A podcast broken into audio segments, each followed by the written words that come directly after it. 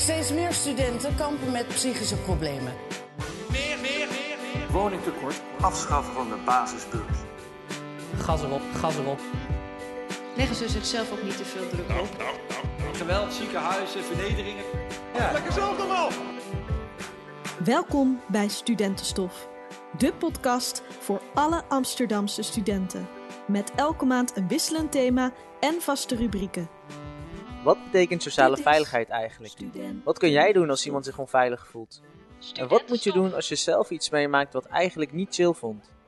Een sociaal veilige hogeschool of universiteit is de plek waar geen plaats is voor grensoverschrijdend gedrag. Maar hoe geef je die grens aan? Kortom, waar moet jij aan denken als we het hebben over sociale veiligheid? Dit is Studentenstof. Studentenstof.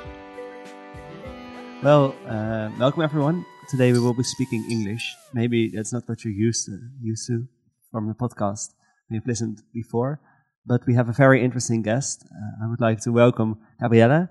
Hi. Hi, thanks for having me. Yeah, thank you for being here. Could you introduce yourself? Sure. Uh, my name is Gabriella Thompson. I'm one of the directors of Our Bodies, Our Voice. I'm also a full time employee. I facilitate workshops to students and student associations about boundaries, communication, consent, allyship, active listening skills, bystander intervention, and things like that. Um, yeah, I studied at the Amsterdam University College. So then I stayed for a few more years and And now Here you're we here are. permanently. yeah, now I'm stuck here. Well, it's so nice to have you, and also because last year I, I was at a workshop Our Bodies, Our Voices gave, Our Voice gave. It was really interesting. and I was kind of curious if you could tell me a bit more about the organization, because you started it as well, or you're one of the directors. Yeah, so I'm one of the co-founders as well. The titles are a bit confusing, but um, yeah, it started as two AUC students, one UvA student, and one previous UvA uh, professor. We all came together and said, you know, the institutions don't have enough to support survivors. Um, there's not enough people talking about sexual violence, and there's all this stigma around it. So we came together and spent a year planning and putting together a project because it first started out as like a student initiative. Um, and then the chief diversity officer of the UvA really believed in us and she funded us from the very beginning. And she said, you guys should become a foundation. And that's what we did. And yeah, so now we give trainings and workshops to students, student associations slash study associations, staff members. Um, and yeah, we try to dismantle the stigma around sexual violence, um, give people different tools to support survivors, and yeah, hopefully keep the conversation going. Yeah, so a big part of your job is about sexual violence, Mhm. but there are also other topics that are related to uh, that you're working in, right? What kind of fields are the other subjects? You mentioned diversity. Yeah, I mean, specifically with uh, associations and staff members, we really want them to uh, reflect and tackle different uh, issues such as like racism, homophobia, sexism, because you know all these issues come to play in classrooms or outside the classroom. Um, so with associations, we help them create action plans to tackle these issues so that they have like good reporting structures or um, help seeking options available for their members and with staff members, it's like if a student came up to them and disclosed to them that they experienced one of these issues, what can they do to help them? So a big part of the job is empowering students to come up for themselves and also come up for each other. Yeah, I mean, it's a, definitely a big part of it is for people to feel empowered enough to stand their ground and know that their feelings are valid. Like if something affected them in any way, especially in a negative way, that you know they have the right to uh, retributions and sort of uh, for people to respect them. But it's also the responsibility of the other person who's listening to really uh, validate those feelings and make sure that you know whether they're survivors or people who have dealt with really negative things like trauma that they get helped and not left through the cracks and things like that. So it sounds like it's really um, when you've experienced these kind of things that it's and the people that, that you tell it to, they they share a kind of responsibility for the culture. Is it also do you also see it as a responsibility of maybe of the teachers or the professors to also have an eye for this, or are these people that also follow the trainings? Yeah, I mean, definitely, especially if you're in a classroom and you see really um, negative behavior or uh, stereotypes being perpetuated, like that, definitely we would hope that staff members would step up and say something about it, or even, let's say, give trigger warnings before disclosing uh, really sensitive topics or showing really traumatic videos or topics or things like that. It's, yeah, I think it's everybody's responsibility to play a part in this, and that's because you know we're talking right now about the aftermath. So someone has already dealt with something or has uh, felt a certain way, but what we focus on mainly, or we try to focus on, is the prevention. So if everyone played a part in it, then it would go that way. And it's a shared responsibility. This this prevention. Yeah, for sure. Like if everyone really um, talked about it and um, yeah, just worked on themselves. So it's like introspection, but also talking about it with other people and communicating it and just necessarily changing the culture, kind of like how you said it. That's the only way we're going to get there because if one person thinks about it and then doesn't say anything otherwise then no one's going to know about it or no one's going to discuss and it's just going to stay the same okay thanks uh, well we're going to be right back with you but first we're going to listen to 30 stomme dingen met Amy Van die dingen dat je denkt. Dat vind ik stom. Dat vind ik nou stom. De stom, stom, stom, stom, stom, stom, stom, stom, stom, stom, stom, stom. In 3, 2, 1. Hoi, ik ben Amy, student aan de Master Sociologie in de track Gender, Sexuality and Society. Weet je wat ik stom vind? Dat de huizenprijzen zo hoog zijn, waardoor veel vrienden geen huis kunnen vinden en daardoor eerder dan weg moeten van borrels en feestjes, omdat ze dan nog met de trein naar huis moeten. Dat de UvA nog steeds het diversiteitsrapport niet heeft geïmplementeerd, terwijl die al keilang geleden is geschreven en gewoon nog steeds niks mee gedaan is. Dat de UvA een diversity officer heeft aangenomen, maar dat die studenten negeert die met dit onderwerp bezig zijn en geen ervaring verder heeft met het onderwerp. Dat we nu op anderhalve meter moeten borrelen met elkaar, veel minder gezellig. Dat de introductieperiode niet door kan gaan in het echt vanwege de coronamaatregelen. En Wil jij nou de volgende stom inspreken? Mail dan naar studentenstof.asfa.nl. So when I see your website, um, it says Stichting Our Bodies, Our Voice is a non-profit organization that aims to prevent sexual violence and transform consent cultures in universities in the Netherlands. That's right, right? Mhm, yeah So what are the consent cultures in universities, and especially in Amsterdam? Yeah, I mean, we didn't necessarily coin the word, uh, cons- uh, the term consent culture, but it's something that we encourage in all our workshops, which is just making the time and the space for people to feel comfortable enough to express discomfort because we can totally tell everybody, um, yeah, just stand up for yourself, express your boundaries, but it's also most of the time people don't know their boundaries or don't figure that out until after something has happened and then they feel kind of awkward or weird bringing it up later and there's not really the time and space to talk about it. And also people can react negatively if they're like why didn't you tell me in the moment? or like um, yeah things like that. So the whole point is that we talk about uh, relaying down that foundation of trust. So not only can someone feel safe enough to express their boundaries but their boundaries are respected.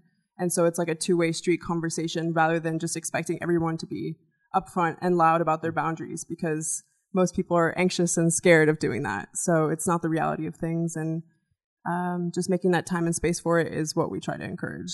Yeah, but it seems like such a tough job to transform some to transform a culture. Like it's it's a major thing to do. I don't I I wouldn't know where to start. Yeah, it's a bit crazy. I mean, in an ideal world, um, people would grow up with sex education where boundaries and communication and consent would be part of that. But in reality, it was like a banana and a condom or something like that. Um, so really But- the, so, so that's that's completely right. That's also what I experienced at Yeah. primary school. It's about a banana and, and a condom, and that's it. But also talking about racism, for example, Mhm. it's it's so not part of the culture of, of, of the universities and of the hogeschool. How do you how do you start making a change there in, in decolonizing and you tell about that? Yeah, I mean, the first step is to accept that there is a problem because, of course, there are these myths that, you know, we're educated people, we're in the Netherlands, we're very progressive, like this isn't a problem here. But that's totally disregarding people's experiences. And so the whole point of a workshop is to get a really diverse group of people to come together and to share those experiences and to really talk about it because most of the time people come into workshops thinking one way and then walk out thinking another. So So that's really what you see happening. yeah, for Can you give sure. an example of this? Um, I guess specifically, I mean, hmm, the other day per se. So this guy said that you know he's really afraid after uh, the hashtag Me Too movement to ask for girls' numbers because he was like, yeah, now I'm afraid they're going to think I'm, you know, trying to go after them and stuff. I really thought it was an innocent thing, but now I really don't know anymore. Um, Gabby, can you tell me, like, is this uh, a positive thing or not? Like, should I never do it again? And it's like, I've had situations where people ask for my number and I say no and they respect that and everything's great. You know, like that's the whole point. And then I've had instances where people ask for my number and then scream at me and yell at me and call me things and spit in my face even.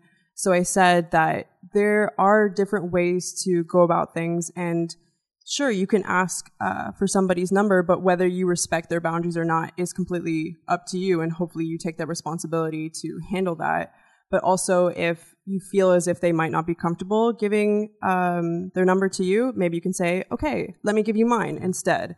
So it's really these small things and these small worries So that you, you create a space, uh, you facilitate a space also to have this conversation about how can I do it and maybe share best practices and also share your fears. Yeah. So is that like, Yeah, because it, it might seem like uh, really small things, but they make a huge difference in the in the long run, where people really think about uh, what they're going to say or what they do before they do it, instead of um, causing harm and then apologizing and readjusting afterwards. The whole point is to think about it beforehand to avoid unnecessary anguish. Okay. Well, we also have some some uh, numbers and facts.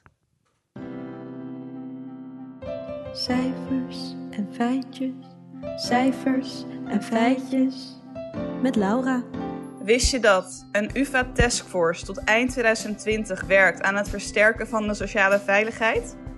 Maar liefst driekwart van de jongeren, te weten 74%, vindt dat de nieuwe regering meer moet investeren in het voorkomen van seksueel geweld. De HVA sinds 2010 verplicht is om voor studenten een onafhankelijk klachtenloket in te richten. Veiligheid en je veilig voelen één van de voorwaarden is om je als individu te kunnen ontwikkelen en sociaal te kunnen functioneren. 19% van de mannen wel eens is gezoend terwijl ze dit niet wilden. Onderwijsinstellingen de plicht hebben om te zorgen voor een veilige studeer- en werkomgeving. De UvA samen met alle andere Nederlandse universiteiten op 29 april 2019 een statement heeft opgesteld over sociale veiligheid. I'm still sitting here with Gabriella.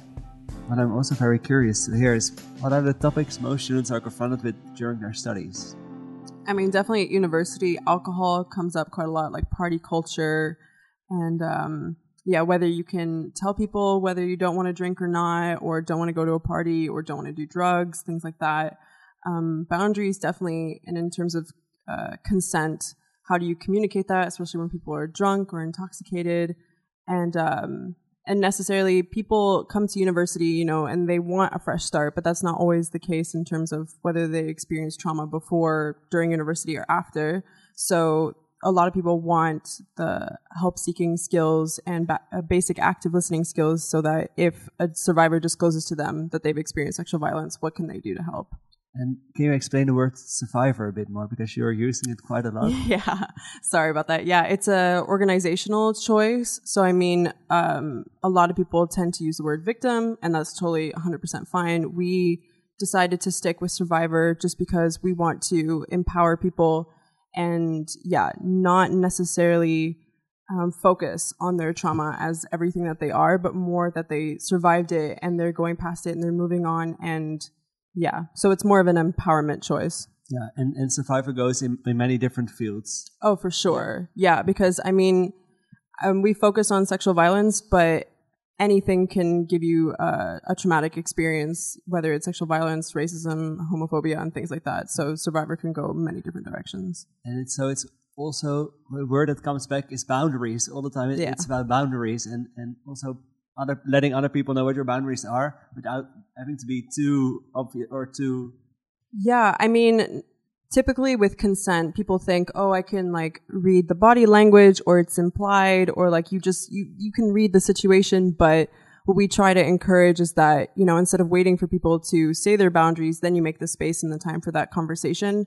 But also that it can be sexy and part of, um, you know, things going well is by asking, is this okay? Is this not okay? and um, and that doesn't necessarily just revolve around um, sex or intimate situations. It's also in our daily lives, just checking in with people, like, hey, I want to talk about something really sensitive. Do you have the time and space to handle that? And how how do you can, you can also apply this in your daily life, right? Mhm. How how do you do that, for example? Um, well, I mean, specifically with my friends, um, because my friends happen to be my colleagues as well, because we started this together. So they're all very conscious about. Yeah, I mean, we deal and talk about with uh, talk about sexual violence on a regular basis, and it's really heavy work. Um, so generally, we really focus on checking in with each other and saying like, "Hey, I just had a really tough day, and I want to talk about it. Do you have the time and space to talk about it?" And sometimes, you know, you're stressed or you're busy or you have your own baggage, and you have to say, "Okay, yes, I can be there for you right now. Let's talk about it." And other times, you have to say, can we schedule a call some other time because I really can't um, support you right now. Um, so generally in my daily life, it, that comes into play for sure. And how do you keep the humor in, in your life? yeah, no, that's what's so interesting is that people think that these conversations can be really um, like downplay the mood or be a buzzkill, but really, honestly, it's made my life so much better. And it can be funny, which is that you know, um, it's people we're all sort of dealing with the pandemic and other stuff we're all like have, struggling right now um, so it's really just yeah keeping an eye on each other and checking in not just being honest with yourself but with other people as well And if, if I'm honest, I also find it sometimes scary to ask for someone else's boundaries because Mhm. they also feel kind of private, right? To, to- Right. how do you cope with that? yeah i mean generally like you don't want to push someone to disclose their, bound- their boundaries if you don't want if they don't want to but in general that's what the time and space and the conversation is about. It's really um just yeah not being like super specific. It's like oh tell me what your boundary is and every experience that you've had with that so i can completely understand. It's mainly just um instead of i guess what's the word? Um if they don't have like a word for it, if they don't want to tell you, instead of like disregarding it completely, it can be like, okay, you don't want to tell me the specifics. That's completely fine. But if there's anything I do that does cross that boundary, please let me know, um, so that, you know, we can work on it or that, you know, I don't do that. or that can be one to one to one. Yeah. Especially with university culture, it's kind of like that conversation of consent doesn't usually happen. Let's say you're at a party and you're uh, hooking up or making out with somebody and then you go home with them. It's kind of like when we talk to people about consent, that's what they bring up as the conversation. They're like, but they went home with me. So clearly we were going through like step by step when really the conversation never actually happened and they never said, oh, I want this or I don't want this. And so it's really easy with alcohol and drugs and the whole culture at university for things to just play out the way that they do or like um, you know you just have a good time and don't really think about these things. It's too serious like have some humor um, to really just check in with people. And um, yeah if you're going home with somebody from a party that doesn't mean that you're up for anything you know? So it's it's super easy to be like hey are you fine with this? or like can we do this? And then that person has the space and time to be like actually no i don't want to do this especially when um, intoxication is involved most of the time people are just kind of like up for anything or kind of confused or um, it really uh, downplays your senses and so yeah just we encourage having that conversation because if you check in with somebody and they're good awesome great you And don't there need to are think a million about it ways to check in, right? yeah definitely and if you check in and then it's not okay then that space and time is given to talk about Yeah. it because otherwise you're just waiting for a conversation or the other person wants to say something and it's a little bit awkward or buzzkill or whatever so it's just yeah there are so many different ways to check in and just trying one can really make a difference I think maybe awkwardness is, is necessary to change the culture. Maybe the, making the change or transforming the culture. Also, oh, you maybe need some awkwardness. Yeah, no, definitely. I kind of sometimes related to learning a language. I mean, you're going to sound dumb sometimes. Like, you're going to make mistakes. It's going to be weird and it's going to be like really uncomfortable at the beginning. But the more you practice it and the more you um, try it out with different people in different settings, the easier it becomes. Cause like I, you know, preach this stuff at workshops, but that doesn't make it any easier. I still get scared, uh, expressing my boundaries or having that conversation, whether it's with friends or roommates or my family. But that doesn't mean I'm not going to try because it's worth trying to check in with people and make sure that people feel comfortable and safe around me. You know, like why wouldn't you want that? Okay, Mhm. something else I'm, uh, last thing maybe to ask is what can people do if they need any help? What would you suggest? I mean, generally, if it's rel- uh, relative to the UvA, you know, there's the UvA help seeking options. It's all on their website. It's like um, UvA social safety. There's a link to it.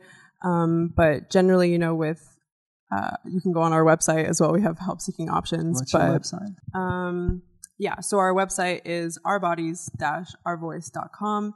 And in there, there's a tab that says like schedule or reserve a workshop. And then you can send an email that directly comes to us and we can figure out um, if it's your department or maybe a student group or anything like that uh, that wants to have a workshop because um, it's kind of like a case by case basis.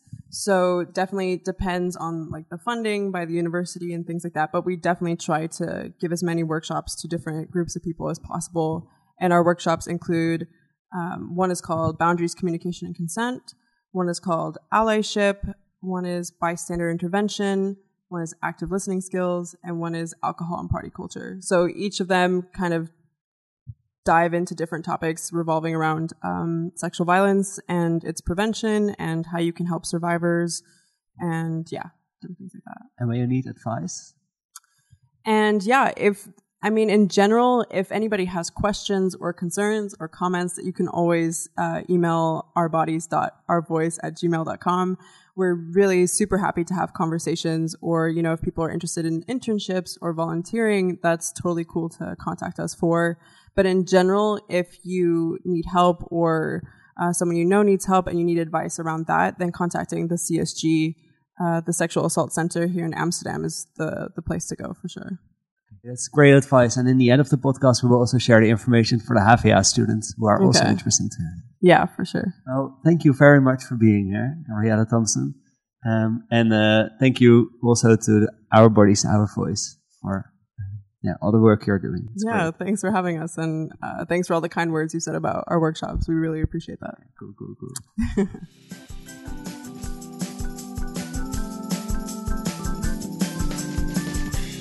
is weer tijd voor muziek. Voor de Asfa Top 20. Ehm, ik wil graag Bloed, Zweet en Tranen van André Hazes uit de Asfa Top 20 halen. Ehm, het is een nummer dat ik nooit echt interessant heb gevonden. En inmiddels heb ik het in mijn leven al zo vaak door mijn strot geduwd gekregen dat ik het nu wel klaar vind. Maar ik heb een ander pareltje van Nederlandse bodem dat ik graag ervoor in de plaats zou willen zetten. En dat is 22 Baco van Lange Frans en Baas B.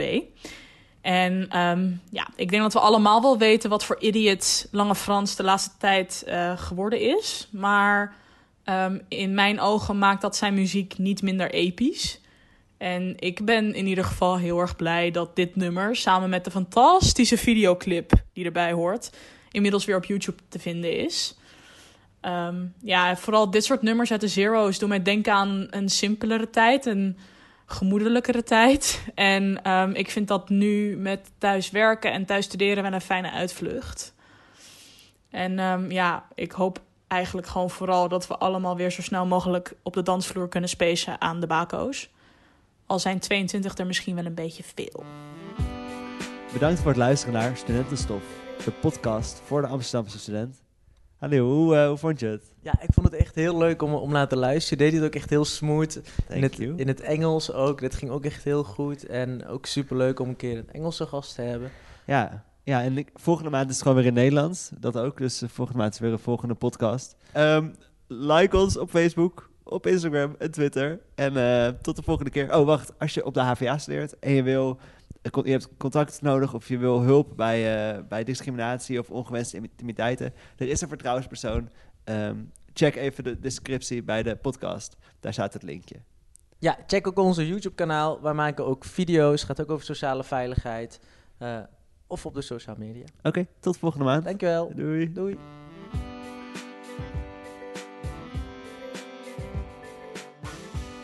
Dit was Studentenstof. Deze podcast werd mede mogelijk gemaakt door de ASFA Studentenunie en gemaakt door Halil Selik en Thomas Leijen.